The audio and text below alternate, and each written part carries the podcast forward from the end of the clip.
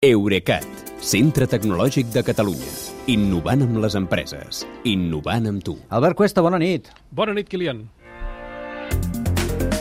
Ens ho dius sempre, el més important del mobile no són els telèfons que s'hi exposen, sinó el que es negocia als despatxos, i avui en tenim una prova, que és del que vols parlar. De fet, parlarem d'això, d'Orange i Masmòbil fusionant-se a Espanya, eh, tot i que també hi ha una altra notícia molt vinculada a la tecnologia, que són les novetats d'Apple, eh, novetats de l'any.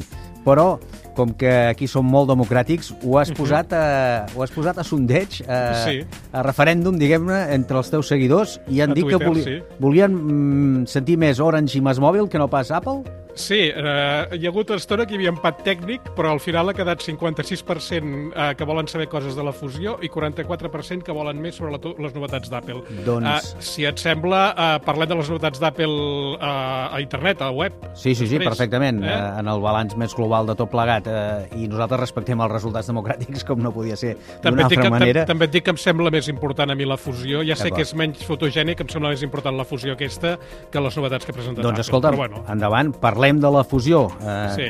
què, què en sortirà d'això? Aviam, el resultat d'aquesta fusió serà la telecom més gran de l'Estat amb quantitat de clients. Tindrà més de 20 milions de mòbil, 7 milions de fix i un milió i mig de televisió. Eh, Telefònica, amb això, eh, baixarà a la segona posició del mercat, tot i que continuarà sent líder en volum de negoci, perquè eh, Telefònica encara factura més dels 7.500 milions d'anuals d'euros anuals que sumaran Orange i Mòbil. Aquesta empresa fusionada serà propietat a parts d'iguals d'Orange i dels tres fons internacionals d'inversió que van comprar Mòbil a finals de 2020. Uh, és important que eh, de la fusió queden fora les torres de telefonia mòbil d'Orange, que ja són amb una empresa se- separada que es diu Totem. I això és el que explica que una cosa que al principi m'ha quedat l'atenció, que és que amb la negociació, Mòbil, que és una empresa bàsicament comercial i que té 6.600 milions de deute, s'hagi valorat amb 11.500 milions d'euros. Eh, I això és per sobre dels 8.100 milions que s'han assignat a Orange, que és una empresa industrial amb una xarxa pròpia i molt potent.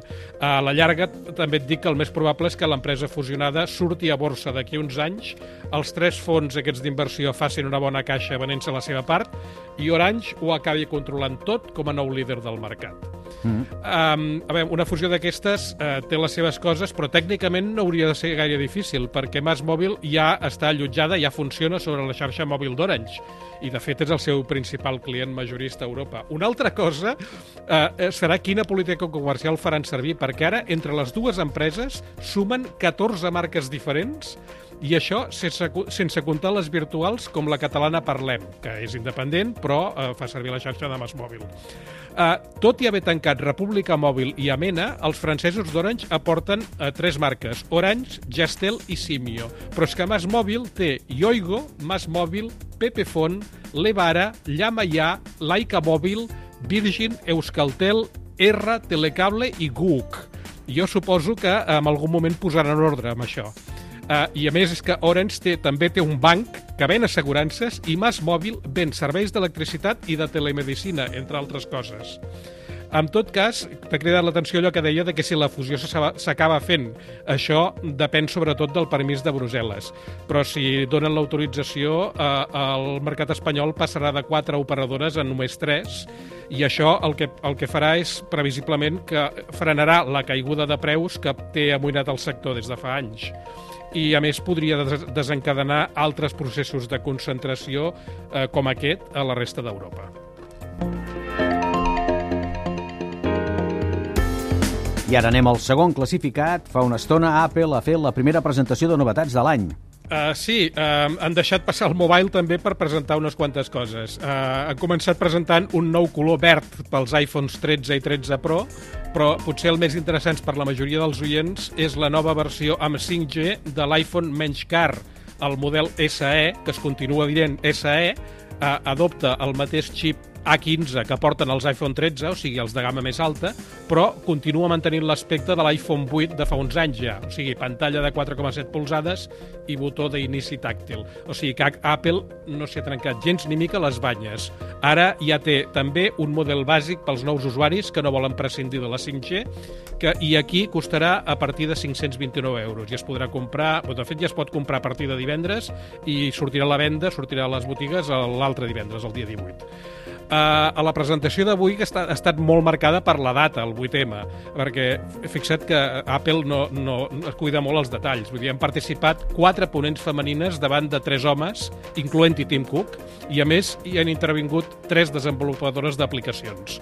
Uh, a l'acte Apple també ha presentat una nova tauleta iPad amb el mateix processador de l'iPad Pro, l'M1, que costa 679 euros amb la versió que només té Wi-Fi i 849 euros amb la que també té 5G. it. Però eh, el protagonista ha sigut, sobretot, un nou ordinador de sobretaula per a aplicacions professionals, eh, com, diguem, la música, el disseny en 3D, la creació de software i l'edició gràfica o de vídeo.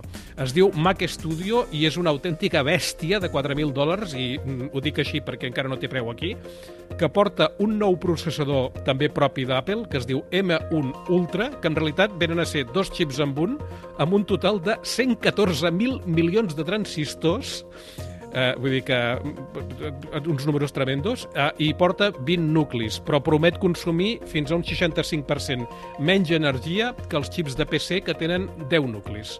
I Apple l'ha complementat amb un monitor de 27 polzades que es diu Studio Display, costa 1.500 dòlars, i és tan delirant tot plegat que arriben al punt de posar-li un processador al, al monitor, eh, que és un element en principi passiu, li posen un processador A13, que és el que portaven els iPhone 11, per, només per gestionar l'àudio, la càmera de videotrucades i la interconnexió amb l'ordinador, que pot ser el nou Mac Studio que dèiem o qualsevol dels portàtils MacBook. Doncs avui doblement interessant. Moltíssimes gràcies per tot, Albert, i molt bona nit. Bona nit, Kilian. Fins demà. Eurecat, centre tecnològic de Catalunya. Innovant amb les empreses. Innovant amb tu.